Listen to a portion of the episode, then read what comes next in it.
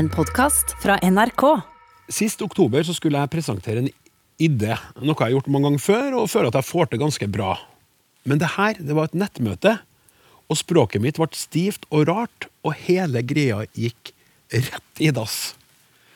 Språkforsker Ellen Andenes, hva var det som gikk galt? Det som gikk galt, var at det ble ikke noen interaksjon, sånn at du fikk ikke gjort bruk av de ressursene vi vanligvis bruker i samtale.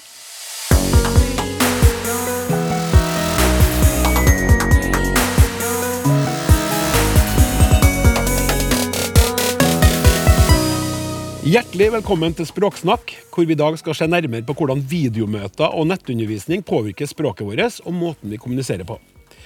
Vi lurer også på hva som skjer med smalltalken når færre møtes ansikt til ansikt, og hvorfor har folk stort sett dødd av korona under denne pandemien og ikke mista livet? Dessuten får vi besøk av Anne B. Ragde, som skal fortelle om hva hjerneslaget har gjort eller ikke gjort med språket hennes.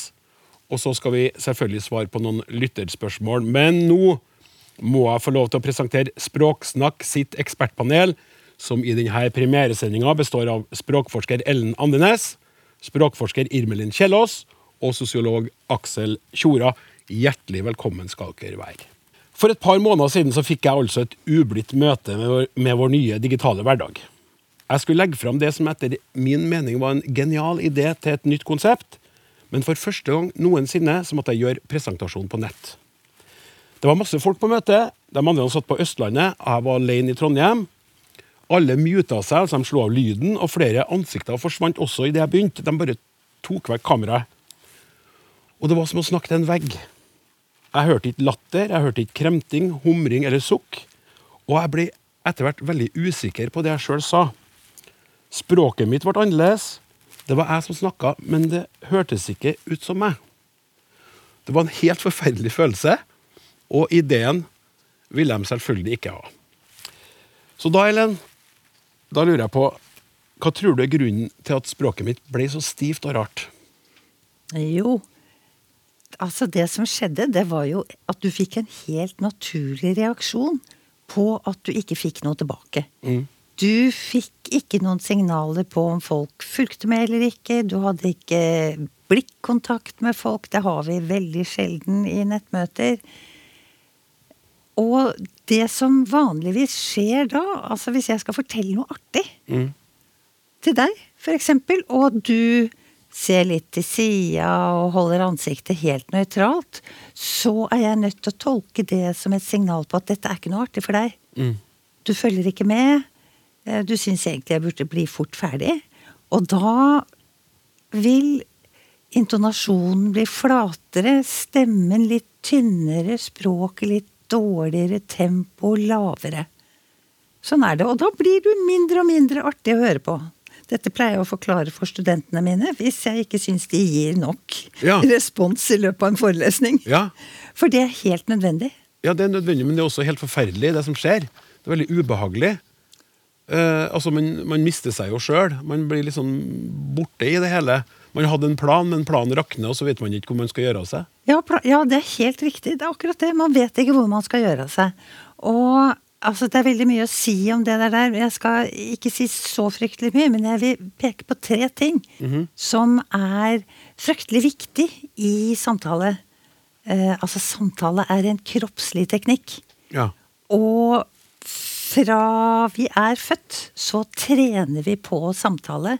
På å tolke signaler og gi signaler til hverandre. ja, for nå snakker du om det som kommer i tillegg til ordene som Ja. vi ytrer i en samtale, ikke sant? Ja. Alt det andre vi gjør som er en del av samtalen. Du kan nesten, ja, akkurat. Du kan nesten si det er produksjonsbetingelsene for orda. Ja, ja, nettopp. Ja. Og eh, for å nevne tre ting, da. Det ene er blikket. Mm. At altså å ha akkurat passe mye blikkontakt Må ikke sitte og stirre noen rett inn i øya hele tiden. Det er veldig sjenerende. Mm. Men du må heller ikke se vekk hele tiden. Så vekslingen, hemmeligheten ligger i vekslingen. Uh, og det samme gjelder for tempo. Altså i både hvor fort vi snakker og ikke snakker, og hvordan det er når vi skifter mellom talere. Om vi gjør det fort eller sakte. Og i ansikt-til-ansikt-samtaler så blir det en naturlig rytme av taushet og tale. Ja. Så det er to momenter som er kjempeviktige. Uh, og så er det det at det fins ikke noe nullpunkt. Hva betyr det? Altså uh, Det er lett å tenke at ja, vi gir signaler, og så Ja, ok, du fikk ikke noen signaler. Hva så? Du kan vel snakke videre for det. Men det å ikke få noe signal om interesse, eller at noen følger med, det er også et signal. Ja. Det er et signal om at de følger ikke med. Ja. De er ikke interessert. Ja. Og det er ganske slitsomt. Og da kommer vi til det tredje poenget, og det er at innholdet i samtale, det er samskapt. Vi lager det sammen. ja. Du gir meg nå stadig sånne små feedback-signaler. Ja, sier du. Og så nikker du, og så smiler du litt. Ja, ja, ja, nettopp. Så jeg vet at du følger med. Og vi veksler mellom å ha øyekontakt og ikke. Mm. Og da eh, blir jeg betrygget om at jeg kan fortsette å snakke om dette. Det er interessant. Ja, Aksel, du, du, du gjorde, gjorde et tegn, og det fikk jeg jo med meg, faktisk. For Ja, du, sitter ja. jo, du sitter jo i samme rommet som meg, Ja, ja. eh, da, dog på ganske god avstand.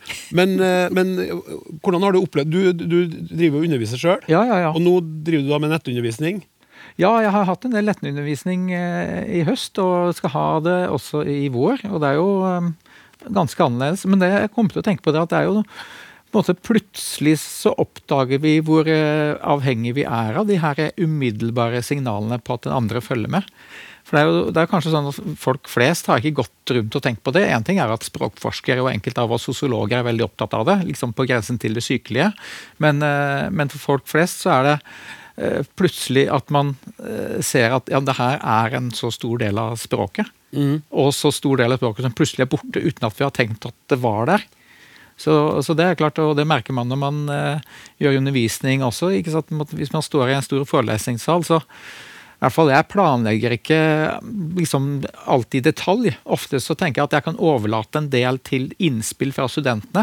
Sånn at de deltar i forelesningen ikke sant? og skaper liksom det her sammen, sånn som Ellen sa, man skaper det sammen, også en forelesning. Eh, og så plutselig eh, sitter man der foran en skjerm og må, må tvinge studenter til å sette over kamera, sånn at man i hvert fall ser noen hoder. da. Ja, for har du, har du gjort det? Har du bedt dem? Ja, ja, ja, Og jeg måtte mase, mase, mase for å få Da Det var liksom 140 studenter. Men jeg, etter mye masing så greide jeg å få en 6-7 til å slå på kameraet sitt. da. uh, og da så jeg i hvert fall noen da så jeg i hvert fall at noen fulgte med. Men opplevde du, opplevde du at, at du ble bevisst på andre ting? For når vi nå snakker om språket, da, som det i de ordene vi ytrer, og alt det andre vi driver med mens vi snakker, altså gestikulering og sant, grimaser og tjo og hei, skjedde noe med deg i det du skulle begynne med det her nettundervisninga? Altså Først så, så gjorde jeg sånn som jeg pleier å gjøre, eh, som ikke funka så bra. Det vil si bare snakke. Eh, fordi at jeg liker å snakke foran tavla og rusle litt fram og tilbake. Og så fant jeg ut at jeg må ha litt mer sånne plansjer og ting som man kan se på. Men så syns jeg det blir også litt sånn statisk. Det binder, binder meg litt mye. Og så begynte jeg å tenke at jeg må, jeg må ta tilbake litt sånn gestikuleringa. Men det som jeg begynte med da, var jo liksom bare løfte hendene i skulderhøyde og begynne å gestikulere opp i hodehøyde. Det, Kameravennlig gestikulering? ja, det føltes veldig rart, men jeg tenkte at det er, det er bedre enn det er bedre enn at hendene er borte, da, likevel.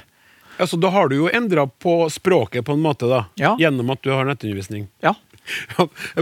Irmelin, du sitter og nikker eh, veldig her nå. Eh, Gjenkjennende nikk. Veldig gjenkjennende. Eh, Ja. ja. Det er det absolutt. Og jeg jo benytter meg veldig av armer og bevegelse og gestikulering og blikk og i det hele tatt når jeg, når jeg underviser og når jeg kommuniserer generelt. Eh, og jeg gjør nok mye av det som Aksel sier. Jeg, jeg flytter det opp og inn i kamera. og Av og til så føler jeg nesten at jeg er på vei ut, fordi at jeg prøver så veldig iherdig å få kommunisert eh, mye i den lille ruta. Og det kan sikkert være intenst som student å sitte og, sitte og se på. Det er i hvert fall ganske intenst å se seg sjøl være så intens. Så det, er, eh, det gjør noe med en. Um, men jeg tenkte på en annen ting i forhold til det som Ellen sa om, om det ubehaget og den slitasjen der å ikke få noe respons underveis i de, her, i de Teams-møtene eller Zoom-møtene eller hvor det nå er. Men så i tillegg til det så mister vi jo alt det rundt som gjør at man på et vis kan gjenopprette relasjoner og, og, og det gode, eh, de gode relasjonene. da, Fordi vi avslutter ikke et møte med å gå og ta en kaffe i kantina. Nei. eller å ta en prat på vei tilbake på kontoret, som kan bidra til å liksom hvis man hadde litt sånn ubehagelig, var litt usikker, hvordan funka det egentlig, det her? Eh, hvordan blei det mottatt, det jeg sa? Jeg syns jeg fikk litt lite gehør. Man trenger kanskje ikke å snakke om det eksplisitt engang, men ved å bare ha en hyggelig, uformell passiar etterpå, så har man på et vis gjenoppretta en eh, relasjonen, da. Mm. Men nå mister vi jo det òg, ikke sant? Sånn at vi blir bare sittende på hjemmekontoret og kjenne på det ubehaget. Du slår av og blir alene igjen. Ja. ja. Det er jo forferdelig. Ja, og Ja. Da, eh, da eh, Tilbake til deg, Ellen. For det, det- det var et begrep som du fortalte meg om. Jo, Hva, hva heter det på engelsk? altså det er blitt et faglig begrep. De kaller det på engelsk zoom fatigue. Zoom fatigue. Altså zoom-slitasje. Ja. Som er helt reelt, fordi at eh, vanligvis så får vi energi av å være sammen med hverandre, eh, de fleste av oss, da. eh, og av å samtale, men skjermen gir ikke noe tilbake. Nå har begge de to andre i studio her forklart hvordan, ikke sant. Det er nettopp det. Vi må køle på med så mye ekstra energi for å engasjere studentene eller de andre møtedeltakerne. Eh, Men det kommer ikke noe tilbake, og det er utrolig slitsomt. Ja. Så altså, vi må bruke så mye energi på selve kanalen.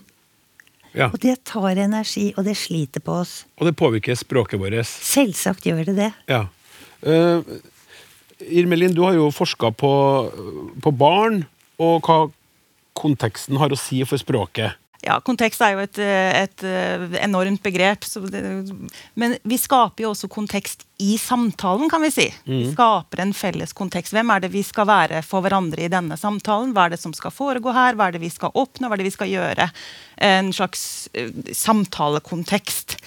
Eh, og det ofte når en ser på faktiske samtaler, gjerne samtaler som foregår i en eller annen profesjonell kontekst, så ser en at man, har, man kan dele samtalen inn i noen faser. eh, og så ser man ofte at i den innledende fasen av en samtale så bruker man en del tid på å etablere en kontekst. Eh, hvem skal vi være for hverandre nå? Hva slags relasjoner skal vi, skal vi ha med hverandre? Hva slags roller skal vi inngå i? Og hva er det vi skal gjøre her? Det bruker man litt tid på innledningsvis. Gjennom småprat og oppvarming og litt kaffe og litt sånn uformelt. Ikke, før man går barna, inn. barna drikker jo ikke kaffe, da. Nei. Nei. Nei. Men jeg skjønner- eh, jeg skjønner hva du mener, ja. Eh, brus og Twist, eller hva det nå måtte være. Eh, det som, eh, som eh, Etter den innledende eh, Nå satte jeg deg litt ut av spill, det var ikke meninga å dytte deg ut av banen din. tankebanen. Du sier at man etablerer først, gjennom småprat. Ja. Ikke sant? Det er den første innledende fasen. Ja. Ja. Den, det ser man igjen når man ser på faktiske samtaler. Når man ser på opptak av samtaler og transkripsjoner, altså nedskrevne samtaler, så ser man ofte at det er en sånn innledende fase der man etablerer en kontekst for samtalen, eller en kontrakt for samtalen, eller hva man nå velger å kalle det. Eh, I min forskning på samtaler med, med enslige asylbarn, som jeg jobba med i, i doktorgradsarbeidet mitt, så så jeg det at fordi de her samtalene hadde en del sånn teknikaliteter rundt seg. Det skulle snakkes med en tolk på telefon, det skulle etableres med lyd og kvalitet og det ene og det andre. Og det var noen papirer som skulle tas fram, som skulle brukes i samtalen osv. Så, videre. så så jeg at det så ut som om fordi de voksne i de her samtalene brukte mye tid på det, så gikk det på bekostning av det det relasjonelle oppvarmingsarbeidet de ellers kanskje ville ha gjort. Akkurat som da liksom, ja, men Nå har vi brukt mye tid på innledning her, så da går man liksom rett over på det mer sånn saksorienterte, det man skal gjøre Ja. i samtalen. Og er litt Teams-møter er Ja, litt sånn. skal akkurat si Det ligner veldig på møtene på nett. Ja. At du får ikke den derre den som du hadde før. Du går inn i rommet, noen kommer litt før andre. Du setter deg ned, du tar kaffen, prater. Ja, hva, prosjektet deres, hvordan går det med det? Og alt det der, det er borte. det er bare sant. sånn, Du setter deg ned med skjorte og shorts, og så logger jeg på, Og så går du rett på. Bom. Ja. Så, det, så der har vi samme utfordringene, da. Jeg tenker det at Der er det en parallell, og det som er Det er ubehagelig for oss voksne. Vi har jo snakket om det. Det- Jeg tror også Noe av ubehaget handler jo om det at ikke vi, vi varmer oss ikke opp sammen. Vi etablerer oss ikke relasjonelt før vi går i gang. Men det her er enda eh, mer eh, hva skal man si, dramatisk eller prekært for barn. Eh, fordi vi kan spillereglene for samtalen. Vi kjenner konvensjonene, vi veit hvordan sånne samtaler skal gjøres. Men barn har mindre erfaring med det. De er i ferd med å lære seg de her samtalene. Sant?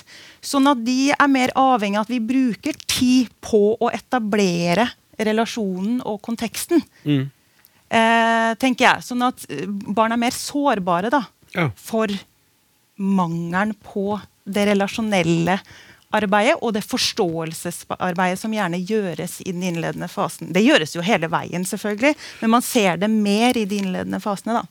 Og, og i en tid der vi sannsynligvis vil ha nettundervisning og nettmøter i god stund fremover, så blir det jo spennende å se.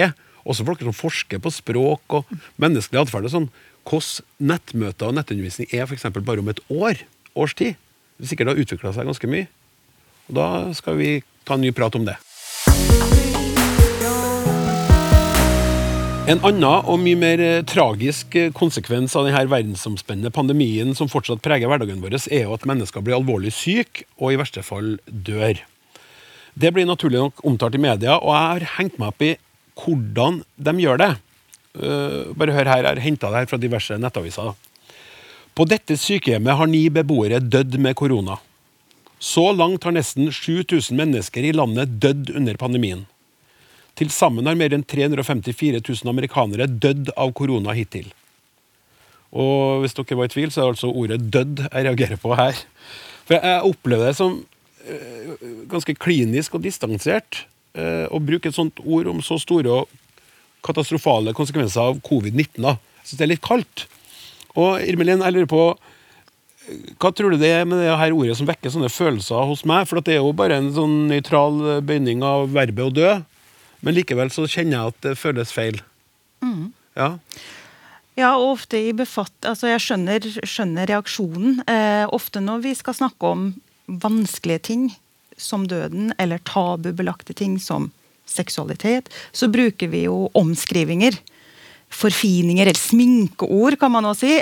Eufemismer, sier man på, på, i språkvitenskapen. Eufemismer. Eh, og det gjør vi jo for, eh, for å kunne snakke om det som er vanskelig, enten med fintfølelse, med, med respekt, eh, for disse store eller vonde eller tabubelagte temaene. Ehm, men for min del, eller fra mitt ståsted, så, så tenker jeg jo at eufemismene virker distanserende. Eh, altså vi, vi, vi, vi forholder oss da til fenomenet mer på en armlengdes avstand. Vi er ikke helt sånn tett i befatning med det. Vi Det der- tar ikke det, det er helt konkret. Det der er jo interessant, fordi at jeg har jo da opplevelsen av det motsatte på et vis. Fordi at jeg hadde jo i denne sammenhengen foretrukket f.eks. for eksempel mista livet i stedet for dødd. Eh, fordi at eh, viruset er noe som du ble ramma av, og du hadde sannsynligvis, ikke, kunne ha levd et, eh, fortsatt levd. Så du mista livet, tenker jeg. Som du da kaller en eufemisme. Det er en, ja, men det er en Ja. sånn slags omskriving, men for Ja. meg så er det motsatt. Det er art, artig. Eller artig er det jo ikke akkurat her, da, men det var Nei, men det er interessant, eh, for ofte så Ja, dess mer, dess mer forfina Ja. eh, det er, dess mer distansert kan man si at det er. Folk Eh, bruker jo forskjellige eh, Altså, man, man, man omtaler døden på forskjellig vis. Ja. Eh, du hadde jo et ah, bra eksempel der. Ja, man bruker eh, Man kan si at noen har rusla, ikke sant. Det er, en, det er jo en typisk eufemisme. Man har eh, gått ut av tiden. Eh, ellers så er jo omkommet nå i, i forbindelse med det tragiske raset på Gjerdrum, så er det jo omkommet som jeg tror jeg har sett mest brukt. Um, Jo, men jeg vil ikke da være Unnskyld at jeg avbryter tankerekka, men jeg syns det er spennende med For at den her eh, rusla, det, det, det, det føler jeg er en sånn eh, Jeg vet ikke om dere er med meg der, men da får jeg, altså, hvis noen har rusla, så er det, da tenker jeg et eldre menneske. Som har levd et liv, og som rusler på en måte over til den andre sida. Det, det, det føles som noe litt sånn fredfylt og, og sånn. Mens, eh, mens eh, Og ikke noe sånn motstand eller noe sånt. Et, et godt liv. Mm. jeg tenk, vet ikke hva du tenker om det, Ellen? Jo, jeg syns nok det at eh, det er veldig vanskelig å sette opp noen fasit og liksom si hva det egentlig burde hete. Fordi at alle disse orda, måten å snakke om det på, de har litt forskjellige valører. De betyr litt forskjellige ting. Rusle er jo et utmerket eksempel. Virkelig. I min familie har vi alltid dødd. Så Ja. Så du reagerer ikke på det? Nei. Nei, overhodet ikke. Det er jo det vi gjør. Ja. Eh, Sånn tenker jeg. At Og- det er liksom Ja, men jeg er, også, jeg er også enig i at det er det vi gjør, da. Det er bare så det er sagt. Jeg er ikke uenig i det. Men Aksel, har du noen tanker om dødd kontra mista livet, eller?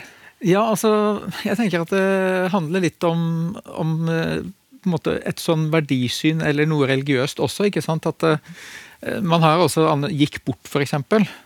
Da tenker jeg at eh, hvis du liksom, liksom drodler litt med det, altså gikk bort Ok, bort betyr bare borte. Som betyr at det kan være litt sånn uvisshet. Altså Rusla, som, som vi var inne på tidligere, handler om at man skal kanskje til noe annet eller et annet sted. eller noe sånt, Så det kan ligge mye der òg, da. Jeg kan tenke på litt sånn krigshandlinger, ikke sant? Hvor, du, eh, hvor du har liksom drept noen av fienden. Så kan du si at ja, eh, du, det, det er noe som ble tatt ut. Altså, så, Ja. Sånn der, på en måte, kanskje til og med litt sånn positivt. ikke sant? Og tatt ut av, ikke sant, av aksjon på et vis. da. Ja. Så det er jo noe med, tenker jeg, noe med, med hva, hva består det av at noen døde? Og hvem er det som snakker Ja. om det? ja. Men altså, øh, uansett hvor interessant det her nå er, så må vi legge diskusjonen død. For vi må videre i programmet.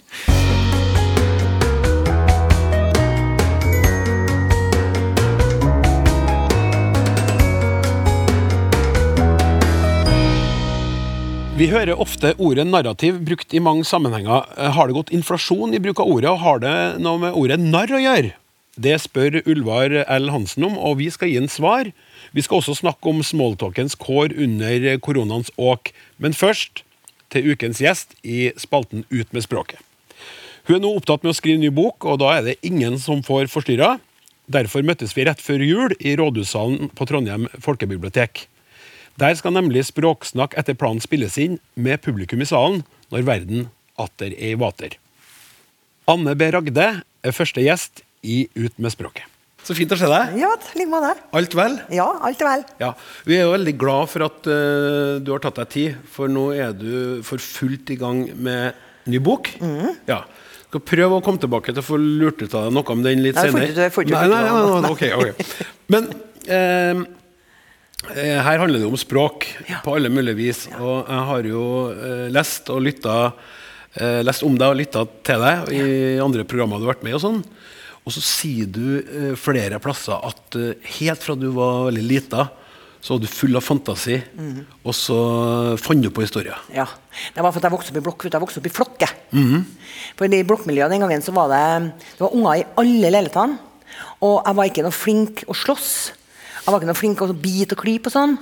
Og jeg sprang ikke noe fort. Du måtte liksom ha en forse, da. Og da fant jeg ut at det var kjeften. Ja. Ja, Som var min forse. ja, men for du, hadde, du, var, du var medfødt rappkjefta. Medfødt rappkjefta. Ja. Og, så jeg bare fant på alt mulig. Alt mulig. Og uh, mamma fikk jo det i fleisen av og til òg, da. Og kom og holdt, reiv rundt øret på meg og sa Anne, du har sagt det og det, og du lyver jo. Nei, mamma, jeg lyver ikke. Jeg bare dikter opp. Ja, Du mente at det var en forskjell? Ja, jeg mente at det var veldig stor forskjell. For at jeg, og underholdt dem. også, sånt, ja. Ja. Så de syntes det var kjempeartig. Men, men syns de rundt deg, altså barn på den samme alder og andre som hørte historiene, ble de fascinert og begeistra, eller? Ja, ja, de trodde på alt. Ja. Ja. Og du var veldig overbevisende. Ja, veldig overbevisende. Veldig overbevisende. Det er det som er det viktigste av alt for meg når jeg skriver. Det er at det skal være troverdig. Ja, for at du skal over på skrivinga. Ja. For Når var det de her eh, påfunnene oppi hodet og de her skrønene som du hevda deg med i gata når dere sprang ut fra blokka, dere ungene, og noen sloss og noen beit og klora, og så drev du og fortalte historier? når, når, var det, når var det du begynte å skrive? Vet du, Det begynte jeg med veldig sent. Ja. Fordi at eh, litteratur Jeg begynte å lese veldig tidlig. da. Mm. Å lese voksenlitteratur fra jeg var 14-13-14 år.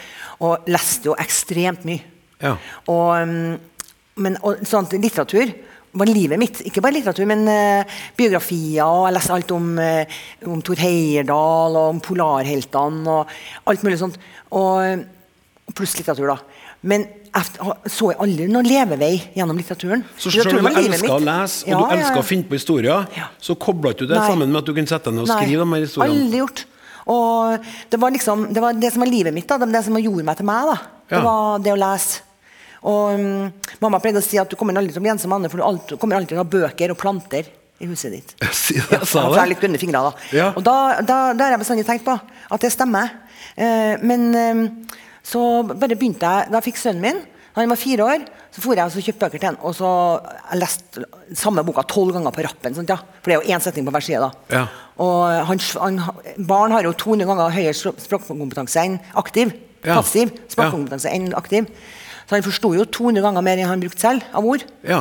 Det visste jeg jo for at jeg hadde studert det. Og um, så tenkte jeg at det er jo meningsløst at bare skrive sånn, sånn helt sånn stuple bøker for uh, unger. For Det står ikke mer igjen. Ja. Så jeg skrev en kapittelbok da, med kapittel for fireåringer. Så det var starten. Det var starten, og den leste jeg for han. da. Ja. Jeg skrev et kapittel om kvelden da når han hadde sovna, som han fikk neste dag. Og så um, begynte jeg å spørre i barnehagen. da. Kan du ikke skrive opp på lappen lappe den boka heter den, den som du leser den jo nå? For Å, ja. Den er så høres så artig så han forteller litt om meg Sånn. Nei, det er ikke noen bok, sa jeg. Det er bare noe jeg har skrevet sjøl. Å herlighet, sa de. du må sende inn det. Oh, ja. Og så sendte jeg inn det, da. Og ble temmelig Åh gud, jeg gikk og grudde meg og tenkte hva jeg har gjort for noe. Og alt mulig og sånn. Og så gikk den rett hjem, vet du. ja. Gikk rett hjem. Så, um, og det var første kapittelboka på norsk for så små barn. ja. 'Hallo, her er Jo', heter den. Hallo, den er fremdeles populær. fantastisk det der. Og, og, men, kan du prøve å Kommer du på eh, men kanskje det var annerledes fordi at du skrev til sønnen din og ikke da hadde Ja. den her høye skuldrene. For Ja, ville dem- det, tror du at hvis du hadde fått den bestillinga fra et Ja, forlag, at du hadde satt deg ned og skulle begynne å Ja? Jeg skulle fortelle, De ville jo ha fortsettelsen, vet du. Dumme Ja. mamma. Å herregud, jeg satt med hvert ord og veide. Jeg brukte i tusen år på den. Ja. For da visste jeg at jeg skulle skrive for et publikum. Det var helt forferdelig. Helt grusomt. Men da hadde jeg oppdaga hvor artig det var å skrive. da. Ja. Og hvor artig det var å skrive ned det jeg dikta opp. da. Ja. Så, og da var jeg mm, tror jeg var 27 år eller sånt. jeg. Ja, måtte ha vært det, for nå og fire, og jeg er så dårlig på årstall. Sånn. Men uh, Det er ikke så viktig akkurat Nei, når, men det var, det var mye senere enn enn jeg trodde ut ifra du hadde fortalt om deg sjøl ja, som han har aldri planer om å bli forfatter. Aldri, aldri, aldri. Du har produsert masse siden den gangen, da. Ja, rundt 70. Ja. Ja. Så det kan man jo si er ganske uh, bra gjort. Ja, jeg tenkte å skifte bransje nå. Nei, Nei. det må du ikke gjøre. Nei. Men jeg lurer på de gangene når du skrev barnebøker, de gangene du gjør det, jobber du annerledes der? Jeg skjønner at du jobber litt, kanskje litt annerledes med språket, men er det, det, føler du at det er lettere? Er det noe du gjør Det er ikke noe lettere, det er vanskeligere. Ja. Det er veldig vanskelig, for det er for så mange som tror de kan skrive barnebøker, Mm. at eh, forlagene er nedlessa i manus hver uke. Dem. Mm. Sånn at det du skal gjøre, du skal komme opp på noe originalt. Ja. Og så skal du ikke, du skal ikke banalisere ting, du skal forenkle tingene. Men da skal du forenkle på rette måten, altså gjennom eh, tingene. Du må finne veien som er original, og samtidig latterlig enkel. Så det er ikke noe lett å skrive barnebøker, altså. Du har jo eh, et barnebarn. Ja, to Som- barnebarn har jeg nå. Du har to barnebarn nå? Ja, for det En på sju og en på to. Når jeg, eh, unnskyld, jeg var ikke oppdatert. Jeg bare hørte på den eh, fantastiske historien om deg og, og i det radioprogrammet 'Sånn er du'. Ja. Når dere går i Ja, da hadde jeg en, ja. ja, da hadde du en, ikke sant? Og du går i skogen og bruker to timer på 100 meter. Ja. Men, men, men hva, du om, hva tenker du om, om barnespråket og språket til barn? For jeg syns, jeg selv at det, det er så deilig med det frie. Det er så Ja, fritt. Det er så fritt. og det, det, Han har ikke noe skam i livet sitt ennå, det kommer noe sakte, men sikkert. Kommer den på skolen. Um, skam og det, kan ikke gjøre det og kan ikke gjøre det. Og, og det er ikke der før du begynner på skolen. da. Så um, jeg prøver å plukke den av, av, av alt sånt, da. Ja. Men uh, begrensa hva jeg klarer. da, vet du. Ja, ja, men men, det- ehm, men det skjer det ofte i språket, da. Det gjør det. Ja, og, og språket som Du sier at du, du snakker fort, og du, du, er, du er veldig spontan og du er veldig til stede. Men når du skriver bøker, så kan du, altså, du, du Det er helt annerledes. Det er veldig annerledes. Ja. Du, du skriver jo veldig annerledes enn sånn som du er å snakke. Mm. Eh, si litt om det. Nei, da er ikke jeg utålmodig i det hele tatt. Um, jeg har en engelsk tålmodighet når jeg skriver. altså. Um, jeg kan En engelsk, eh, en engelsk tålmodighet? tålmodighet. Sier det, ja? Og jeg snakker ikke med noen om det heller. Det jeg skriver jeg på. Og jeg lar handlingen Hvis den, eksempel noen skulle skrive om Tor sant? handlingen som går så sakte Jeg fikk beskjed om, at, om å krympe det første åpningskapitlet om han i Bernerpoplene. For at det gikk for sakte. Og så sa jeg gjorde det, ja. Ja, men da har jeg nådd, nådd opp til det, for at det skal gå sakte. For at det skal være, han skal sitte og se ut på term termometeret og, og tenke på hvordan vær det blir i dag, om skulle brøyta litt og om det skulle det, som det skal Ja. være sakte, det skal være litt tregt. Leseren skal nesten kjede seg. Ja. Du skal være inni det bondehodet. Altså. Mm. Så da er jeg fornøyd. Altså. For at, sånn at jeg, jeg er helt annerledes når jeg skriver. ja. For da er jeg den personen det handler om. Og det er jo ikke meg. Jeg er jo ikke interessant å, å skrive om. Selv om jeg prøver å snike meg med av og til hvis jeg skriver om kvinnelige karakterer. Derfor liker jeg best å skrive om mannlige karakterer. For da får ikke jeg til å snike meg til. Hvorfor du snik deg Ja, jeg sniker meg inn. Plutselig ser jeg Å, gud, det er jo jeg som sier det der. Nei, vekk med deg. og sånn. Ja. Men det skjer ikke når jeg skriver om menn. da, vet du. Skjønner? Så, så da er jeg en helt annen jeg er en helt annen person. Jeg er ikke, jeg er ikke Anne Beragde da, når det er mens jeg skriver. Hva, hva er den største forskjellen vil du si, på ditt uh, talespråk og ditt skriftspråk? da, Ditt, ditt forfatterspråk? Har du fått Riksmålsprisen, da? Ja, nettopp. da trodde jeg jeg fikk Å, herlighet. Ja, det ble jeg på, altså. Det var mange andre som ble på. Men, uh, men, uh, men det er det at jeg har en sånn direkte link her, så til fingrene. Fra hodet til fingrene. Og jeg har jo studert afasi, så jeg skulle visst hva det heter. Men, men eh, sånn som når jeg mista språket sånn Jeg hadde slag 4. juli i fjor. Ja. Og da Eller forfjor, da. Egentlig, da. Um, Ja. Da um, hadde jeg ut Jeg jeg merker det ennå på språket. da At det, er- det er ord som jeg ikke husker på. Sånn. Men uh, når jeg setter meg til å skrive, så kommer alt. Der er det ikke noe du, Det er ikke noe Nei, ingenting. Du merker ikke noe til det? Nei, jeg merker ingenting til det. Nei. Helt fantastisk. Og um, det skjønte jeg ganske tidlig, da. Etter at jeg kom på rehaben og sånn. Jeg var på rehab i fem-seks uker etterpå. Det slutta ganske tidlig at jeg fikk til å skrive. Så jeg tenkte jeg må nødt til å begynne å lese. Så jeg leste så mye bøker mens jeg var der. Og det på en måte fikk, da, da kom jeg på det, vet du. Ja. Alt, for jeg skjønte jo alt. Jeg leste alt, selv om jeg ikke brukte ordene Ja, for jeg tenkte på det, for jeg hørte du sa det, og da tenkte jeg at det måtte ha vært en, en sånn i, den, i det øyeblikket du ikke kom på hva et eple heter og sånn, ikke sant? Ja. Eller du, du ser det for deg, men du klarer ikke å si hva det er. Nei, jeg må tenke litt. av. Ja, men fikk du, fikk du, før du skjønte at ordene var der i fingrene og i forfatterne, fikk du litt panikk og tenkte at noe var Nei, jeg fikk ikke noe panikk. Jeg hadde ikke noe panikk da jeg fikk slag eller noe. Jeg var helt likegyldig. Ja. Så, så det, det har vært en sånn interessant observasjon av meg sjøl. Med at øh, når jeg ble syk, at jeg skjønte ikke hvor alvorlig det var. Mm. Jeg skjønte ikke at jeg hadde fått slag. Jeg ga blaffen i det meste. Og jeg lå på sykehuset i åtte dager også, til å begynne med òg. så var jeg mest opptatt av når jeg skal på do igjen, for jeg måtte ha noen til å støtte meg til do, for jeg for til høyre og rava og, og så dobbelt og gikk med lapp på øya og sånt. Sånne ting tenkte jeg på. Ja. Tenkte ikke på at jeg skulle dø eller noe sånt. Nei. Tenkte, Nei. Slakken slo meg ikke. Ikke døden og ikke Nei. forfatterskapet. Nei. For du har, begynt med, du har så smått begynt med den nye boka. Ja, ja. ja. Og så, det, føles det annerledes å være i den skrivefasen i forhold til før? For da, Nei. Nei, det gjør ikke det. Nei. Jeg har skrevet julaften òg, sammen med Munni Lindell. Ja. Den kom ut nå til jul. Ja. Og øhm, det var også helt greit å Ja. skrive på det. Og ikke noe problem.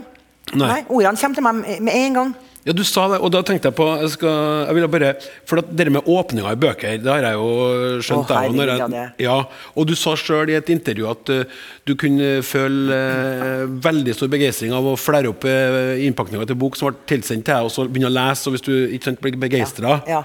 Så det å lese en god bok Ja. starter jo ofte med starten. Og Ja, den men det er ikke sånn sånn det starter med starten. Nei. Det starter med en sånn lang beskrivelse av hvordan skogen ser ut rundt den. Åh, det er så gørr. Ja, men vi skal ikke lange, vi skal ikke lange beskrivelser av skogen. Nei, her ikke før du kommer til punktet. Kom til saken. Vi skal komme til saken her, for jeg har par fra min egen bokhylle hjemme. Helt tilfeldig, rett og slett. slett. okay. To, to, altså skal jeg lese opp til deg, så skal du si uh, hvilken bok du mener at det er. Det er dine bøker, da. Men også kan du, om det er noen forskjell er Det, det er ti år mellom de to bøkene her, da. Nå kjenner den første. Den gamle mannen lignet selv en rose. Huden hans foldet seg som kronblader fra øynene, fulle av væske som aldri slapp ut. Hvilken bok er det? Nei, kommer ikke jeg på. Det det. Der får ikke ha med det skal kuttes! Nei, det skal ikke kuttes, nei. Det er fra boka 'Bunnforhold' i 1997. Å ja, det er åpninga. Ja, Den var et eksempel på der hvor jeg ikke har hatt tålmodighet. Jeg tenkte jeg skulle ta den med sted, skjønner du. For at det er det eneste unntaket på å være tålmodig når jeg skriver, Ja. det er den. Er det sant? Det er sant, for Jeg hadde akkurat fått lagt inn internett hjemme. Selv. Analogt lagt opp. Og gud, det var så styr. Og så var en av de første som hadde internett, og det var så mye snakk om pornografi. I pressen den gangen. Mm. Besett mye om at kommer vi til å komme inn på alle slags nett, med pornonettsteder. alt mulig sånt som er- Det var, bare en hvert tiende hus som hadde eh, internett. Ja. Og da tenkte jeg det der skal jeg skrive om. Jeg skriver om. Og jeg hadde det så travelt, for jeg var så redd noen andre skulle ta kupp den ideen. da, vet du. Så den skrev jeg så busta st- fake, altså. Ja, Du skrev den, ble ferdig, men du husker den ikke nå i dag. Nei, jeg husker den ikke. Jeg skrev den på tre uker. Hva syns du om åpninga? Ja, det var en veldig fin åpning. Ja, det var en veldig fin åpning.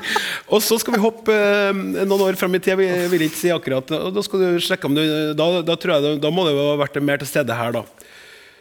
Hun sto midt på tunet da han kom kjørende. Hun sto der med hengende armer og så ham parkere der han pleide, mellom låven og vedskjulet. Ja, det er berlinpopulene. Ja, det er det, den, eh, det landskapet, ja. Men Ja. det er fra Ligge grønne enger, 2007. Ja. Ja. ja. Det kjente, det Ja, det kjente jeg. Det kjente jeg med en gang. Hva merka du det på, da? Hva, hva, hva er forskjellen? For det er jo en forskjell her. Det er en forskjell på hvordan Ja, du skriver. står, hun står, ser bare. Det er ikke noe sånn raving. Nei. Det er ikke at hun springer fra en dør til en annen. Og Hun så så vidt, du så meg for farten mens hun sprang. Det, det, hun står og ser. Hengende armer. Ja, og Ja. Det, for det er en veldig ro i det hele den serien. Ja. Og her òg. Parker der en pleid. Ja. Mellom låven og, og vedskjulet. Ja. Det, Ha, hva, hadde, noe forandra seg på de her ti årene i forhold til hvordan du skrev? Nå er jo det her 2007, så det er jo gått flere år siden. ja, men det er altså jo så ulike tematikker vet du, på bøkene. Ja, så det går Helt noen... ulike tematikk. Men synes, har språket ditt, føler du sjøl, forandra seg i løpet av de årene? Språket mitt forandrer seg fra hvert prosjekt jeg er på. Ok. Så, så når jeg skulle begynne å skrive videre på, på, um, på Berlinpoppel-serien, nummer fire er helt syk i det. Ja. Og skrev nummer fire fem og seks. Så, så var jeg redd for å, å, jeg, at det var borte den roen jeg hadde. Så jeg satt og leste gjennom alle tre bøkene Ja. to ganger. For å komme inn i det rommet igjen. Mm. For jeg ikke hadde travelt når jeg skrev eller noe. For jeg visste at ingen kunne stjele det der. Men jeg tenkte jeg når jeg skrev bunnforhold. vet du. Det her kommer noen til å komme på og Ja. skrive. Ja. Så Derfor så skynder jeg meg sånn. om den. Og de sa på forlaget vet du, at de gikk ikke gjennom en så grunn- grundig grammatikal som de skulle gjort. Og, eller noe, så de bare kjørte trykkeriet. Ja, for, ja, for det, det lurte jeg på i forhold til den, eh, altså, eh, den prosessen. Når du skriver, sitter der, og, og hodet ditt har kontakt med hendene, og hendene er på tastaturet, og ordene kommer ut. Mm. Er det sånn at du skriver fritt og frem? Og så er det, er det, hvor, mye retter du sjøl? Jeg retter masse etterpå. Jeg okay. stryker masse etterpå. Ja. Men når jeg skriver, så skriver jeg helt uh, fritt. Og jeg setter ikke så mye punktum og bokstav heller. Det kommer an på om jeg når bort til punktum. Og sånn. Og så Ja. skriver jeg skriver jeg helt vekk, da. Sånn at eh, jeg kan skrive timevis. da. Ja. Og ser ikke jeg altså, nå har ikke jeg noe mål. Før målte jeg med askebegeret. Det ble så fort at jeg, nå- det rant over. Men nå har ikke jeg noe mål. Jeg får, har ikke mål lenger, da. Nei. Så jeg må se på klokka. da, Men jeg bryr meg ikke om å se på klokka ellers. Nei. Så eh, Hvordan får du det stoppa, da? Det noe, jeg blir tørst eller må på do eller sånt. ja, rett Da og slett. rister jeg meg, og så kommer jeg til meg sjøl. Og da når jeg leser det jeg har skrevet da, så er det som en fremmed har skrevet det. Ja. Ja. Det må være Jeg kommer inn i flyten. Inn i flyten. Ja, flyt, men, men er det sånn at du da sender det fra deg, og så er det noen andre Nei, som tar nei, å gud, nei. Jeg sender ikke fra meg noe, for det er så ferdig som jeg føler jeg kan ha gjort det. Ja. Og da med riktig tegnsetting og alt? Ja, da er alt, alt. Da er det, åh, det er avsnitt av alt. Det, det ser så perfekt ut. Det ser ut som det kan gå rett i trykken. Ja. Men så begynner de å fikle med det, da. Ja, nettopp. Ja. Så det var ikke helt Nei, det var ikke helt ferdig likevel. Og nå, da? Hva sitter du og jobber med? ja, det skulle du gjerne ha visst. Ja, skulle gjerne ha visst det. Ja, det har aldri noen fått vite. Ikke redaktørene mine eller noe. Nei. Nå har jeg skifta forlag òg. Så Ja, har jeg en ny redaktør, og det det kommer jeg for meg heller ikke til å få vite en pip før siste punktum er satt fra min side. Jeg satser alt der, så. Det det så ferdig sånn vi får ikke vite noen ting? Nei. Nei. Og da har jeg tålmodighet til å gå i måned etter måned og er fylt av det universet. Helt fylt.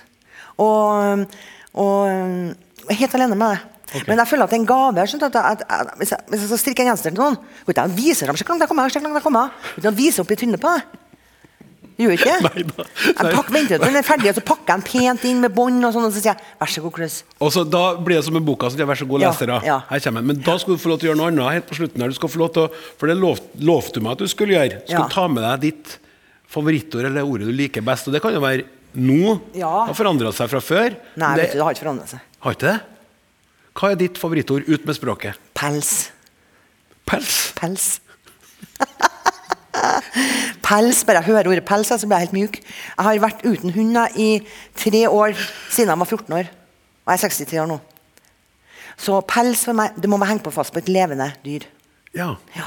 Og da jeg var uten hu- hund i tre år, så kryssa jeg gata og klatra over biler og alt for å nå frem til noen som hadde, gikk med en hund for å ta på han. Altså. Ja. Jeg er helt avhengig av å ta på pels med jevne mellomrom. Helt avhengig. Så pels Jeg, er jeg, prøver, ord? jeg, jeg prøvde kan prøve meg på skjegget ditt, men det hjelper ikke. Det hjelper ikke. Nei, det blir ikke helt Nei, det blir ikke helt det samme. Men, eh, men det er altså ta på pels Og så ordet er så vidunderlig også. Ja. På engelsk heter fur, det er jo ingenting. Nei. Men pels, pels, pels Nesten peis, vet du. Ja, det er yndlingsordet mitt. Tusen hjertelig takk for yndlingsord og en eh, hyggelig prat. Ja. Og så eh, må du ha toy toy eller break a leg eller break your fingers, eller hva man nå sier. Lykke til med det nye hemmelige prosjektet som du snart skal vise fram til oss leserne og si Vær så god. Se, Se hva jeg jeg til deg. Ja. Takk skal du ha. Bare hyggelig.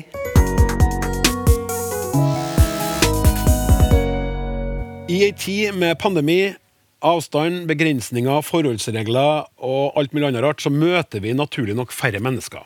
Og jo færre mennesker vi møter, jo mindre smalltalk, eller skal jeg si noe annet, kanskje Småprat? småprat. Det er det det heter på norsk, vet du. Ja, eller småprat blir det. Altså, småprat, du vet, de her høflige, uformelle samtalene om uviktige ting med naboen, en bekjent, en gammel venn eller en kollega. Man skulle kanskje tro at uh, småpraten ikke hadde noe særlig betydning utover det trivielle, men der er jo du av en helt annen oppfatning, Aksel Tjora, som sosiolog. Ja da. Eh, vi har jo holdt på mye med forskning om all mulig slags eh, sosial interaksjon, eller det vi på godt norsk kan kalle samhandling. Eh, og da er det med småprat et viktig tema. Rett og slett fordi at det er noe som binder oss sammen eh, som, som samfunn, og helt ned på mikronivået. da. Ja, ja for apropos mikronivå, du har et, eh, sånn, du har et artig ord på det. Vi snakker av og til om mikrointeraksjon. Ja. Det som handler om de, her små samtalene som ikke trenger å være samtale. Det kan godt være en hei eller et nikk i forbifarta også. Ja, så du er helt ned, altså På mikrointeraksjonsnivået så er du helt ned på et nikk. Ja, helt ned på det er det første, på en måte. Og så er det hei. Ja, hei, ikke sant? Ja, Og så er det, er det, da, er det da neste steget fint vær i dag? Eh, Ja, det kan det være. Eller er det et stort hopp? Det er et stort hopp, men du kan si at eh, grensen mellom et eh, nikk, et hei, et vink, en bitte liten prat, den kan være ganske stor i og for seg. da. Ja. Eh, så, og det, det merker man jo av og til. Eh, hvis du går på, på, i gågata, ikke sant? og så er det, kommer det noen kjente mot deg, og så først så, så sier du bare hei, og så går du liksom fem skritt videre, og så snur du deg og lurer på skulle vi egentlig ha hatt en liten småprat, hadde det vært naturlig her? Ja. Eh, og så hvis den andre snur seg så går man rett og slett tilbake og så tar den der lille småpraten. Ja. Og da er det som du sier at det trenger ikke å handle om noe viktig, men, men det er rett og slett at du konstaterer at ok, man er to mennesker i verden som kjenner hverandre godt nok til at en småprat ikke er unaturlig. Men Det trenger ikke å handle om noe viktig, sier du, men du sier at det er viktig. Ja, altså temaet er ikke viktig, men at småpraten skjer er viktig. Ja. Og det merker man jo i jobbsammenheng, f.eks. At den her, ok, du møtes om morgenen for å fylle på en kaffe ved kaffemaskina, og så, så blir man stående litt der eh, i, i, i en liten kø. altså Nå skal man liksom holde avstand i køen, da, men uansett at man eh, Det er unaturlig å stå helt stille ved siden av en kollega hvis man skal vente i ett minutt på den kaffen som skal bli ferdig i maskina. Og den, den der bit- bitte lille småpraten den har en verdi eh, som et bitte lite møte, selv om det ikke gjøres så mange viktige beslutninger. ja. Men hvorfor er det viktig med sånne bitte små møter? Og hvorfor trenger vi det? Altså, I hovedsak så handler det om å være, være trygg på den andre på et vis. da. Altså det at du, du kan si at du anerkjenner den andre som som en person, person i din krets på et vis. da. eh, og det kan være at du ja, Hvordan går det med sønnen din på skolen? ikke sant? Eh, som du ellers ikke trenger å bry deg om. Men det er en måte å vise omsorg for den personen som, som et medmenneske. Ja. Så det er på en måte en ren sånn eh, konstatering av, eh, av på en måte verdien da, til, til hver enkelt rundt oss. Fins det forskning på småprat? Er det, er det noen som driver med det? Å ja, massevis. Ja. Masse forskning på småprat. Nettopp fordi at det er jo så viktig for oss. Av de grunnene som Aksel nevnte. Og det er en annen norsk sosiolog som snakker om det som innholdsløs, meningsfull prat. Innholdsløs, meningsfull prat. Du vet sånn. Ute og går du òg, ja? Ja. Det er ikke det at det er noen nyhet. Nei. Du konstaterer jo et faktum. Ja. Ja, det selvsagte, ikke sant? Ja. Rett og slett. Mm. Ja. Nei, jeg synes det er interessant, sånn Apropos ordbruk. det her da, så Vi sier småprat. ikke sant? Vi, vi gjør det til noe, noe mindre viktig eller sentralt. Det sier noe, vi er veldig orientert mot hva innholdet skal være, hva saken er. At det skal være noe vi snakker om. Det er liksom det som er i fokus. Men så er det jo de sosiale dimensjonene er jo så viktige, og det er jo denne perioden vi er i nå en veldig god påminner om. Ja. All den sosiale, alle de sosiale funksjonene som samtalene har. Det handler ikke bare om sak og et innhold og komme til en beslutning eller få drøfta noe. Det handler om å, å, å bygge relasjoner og, og være i relasjon. Ja. Eh, det, så det er ikke småprat. Det er ikke som i uviktig prat. Det er Nei. veldig viktig prat. Og så er, det er jo noe med tid, tid og sted her også. eh, og det, når vi har holdt på med på en måte litt sånn bysosiologi, altså helt på gateplanet, bokstavelig talt, Ja. så er vi opptatt av uh, liksom, er, er, Fins det områder i byen eh, som på en måte tiltrekker seg småprat, rett og slett. Passiare soner. Passiare soner, vet du. Det, det ordet passiar. Ja, det var jo nevnt. Ja. Passiare soner, altså noen type områder som, som eh, måte inviterer til småprat. Altså et, et, et hjørne av torget eller en del av gågata som er stille. Ja. Og så når vi jobber sammen med arkitekter og byplanleggere, så, så har vi opp, opplevd at okay, vi må snakke om de her områdene, og vi må lage områder i byen eller i bydelen eller i blokkbebyggelsen eller naboskapet hvor, hvor det finnes sånne steder. da. Ja. Og at det det er så viktig. Også, det er så viktig at man må faktisk designe det og planlegge det. Og det er litt sånn interessant, tenker jeg. Men gjøres det nå? Altså, man, man gjør det? Ja, altså vi har jo blitt invitert, altså Arkitektene har jo begynt å skjønne at de må invitere inn sosiologer, antropologer og språkforskere, andre folk, rett og slett for at det her må tenkes om eh, litt, litt bedre enn det har vært gjort før. da. Ja. Men, men, men, men hva kan skje når, når vi da begynner å miste de her mulighetene til småprat eller passiar? Eh, fordi at det er så viktig for oss. Hva, hva, hva skjer med oss da? Når vi har holdt på med, med f.eks. i nabolag og sånn, så handler det litt om at veldig mange naboer bruker all tida si altså de- kjenner ikke naboen sin fordi at de har sitt sosiale liv litt andre steder. da.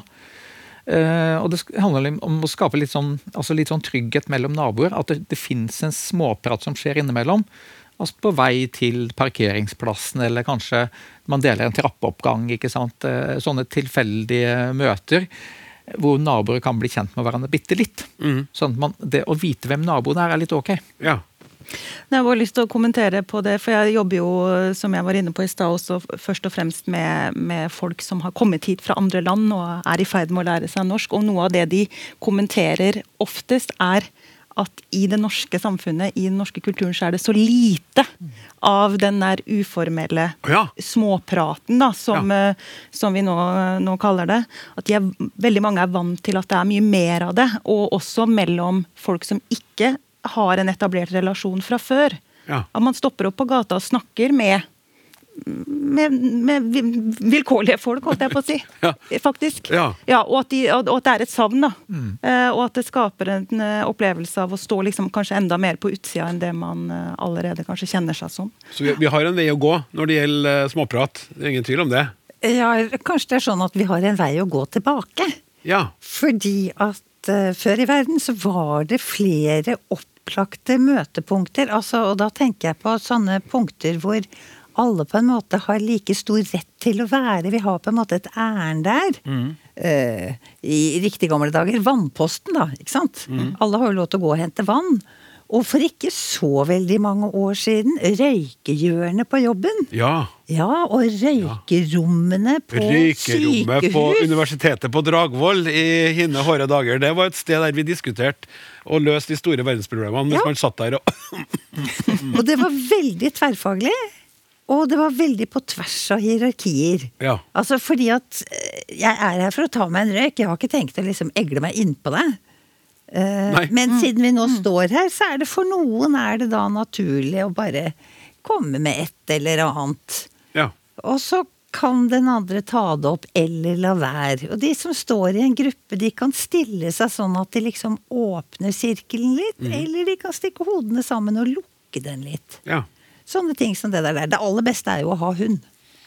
Ja, det aller beste er å ha hund. eh, For det, jeg skjønner jo hva du mener med for da møter man jo andre. Det er godt med folk som har hunder. Det er ikke måte på hvor mye de uh, småprater med andre. Det går rett i praten.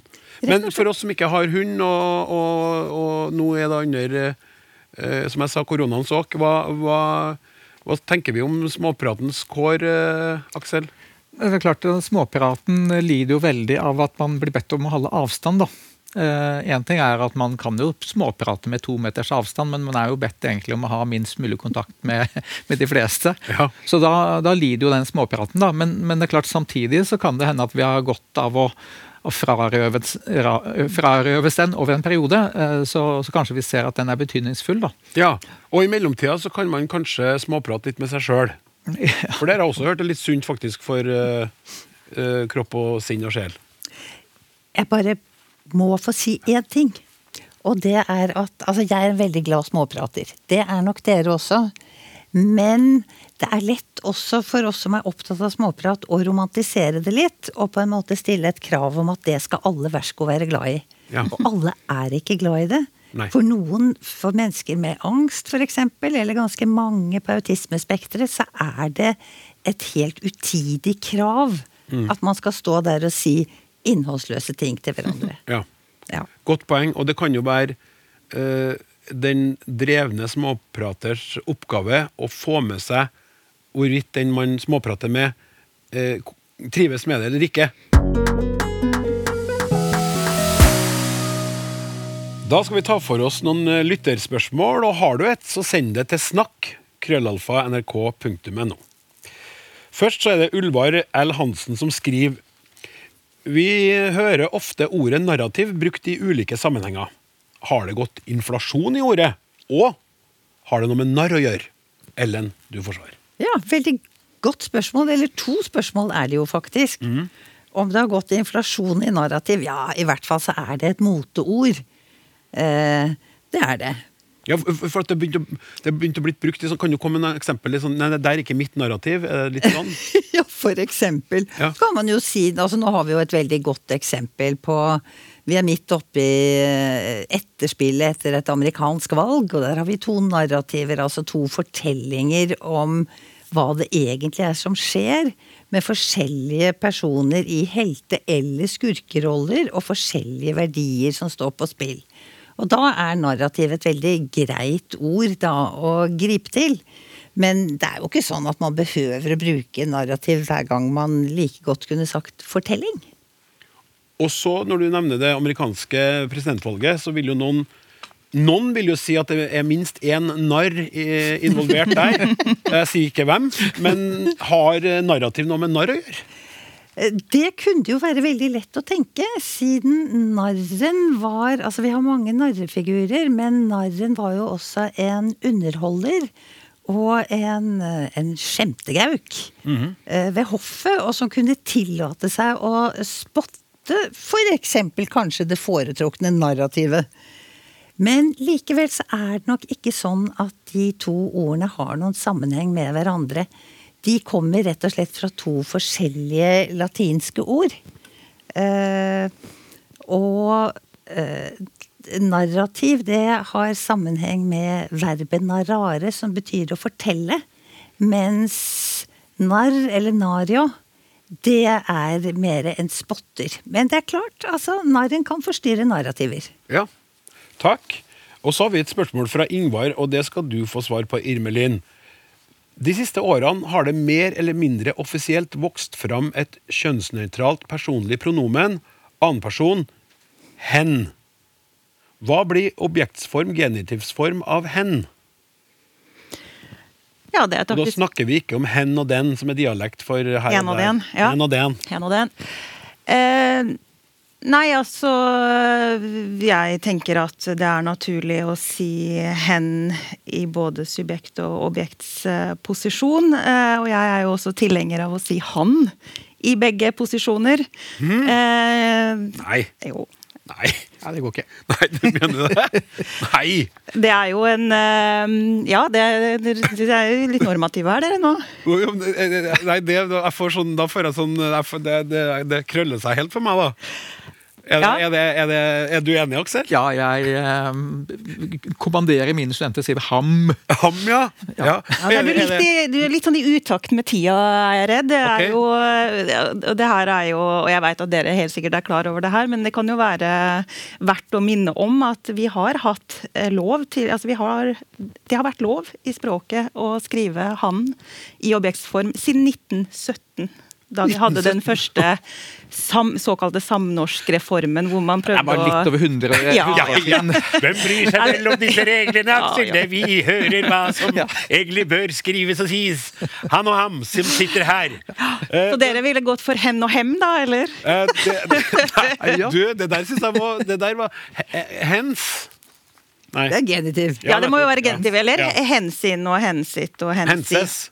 Nei, altså hensi og hensitt og hensin. Ja, sånn, ja. ja hensin og hensyn. hensi, ja. Er sånn- Nei, jeg, altså, jeg føler at akkurat der Nå beveger jeg meg for langt ut på tynnisen. Der skal dere få styre med. Du sa altså at du foreslo Jeg foreslår at vi sier hen i både subjekt- og objektposisjon. Mm. Mm. Jeg så hen. Mm. Ikke jeg så hem. Mm. Og at vi bruker hens da i genitiv form. Eller hen sin bil, Ja. for eksempel. Mm. Men så skal vi kanskje ta med Klaus at det var ikke andre person, det er tredje person. Ja, det er et viktig, Ja, akkurat. en viktig oppklaring. Nettopp. Ja. Det var fint sagt. Det var en fin opprydning. Har du noen tanker om det her, eller andre ting, så kan du altså skrive til snakk krøllalfa Nå er historiens aller første språksnakk ved veis ende. Takke det eminente panelet for innsatsen, eh, og kan røpe at neste uke så skal vi bl.a. snakke om emojis.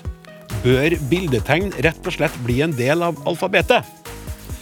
Produsent for Språksnakk er Hilde Håbjørg, tekniker Martin Våge. I redaksjonen sitter Randi Lillealteren, og jeg heter Klaus Sonstad. Vi snakkes. Du har hørt en podkast fra NRK. Hør flere podkaster og din NRK-kanal i appen NRK Radio.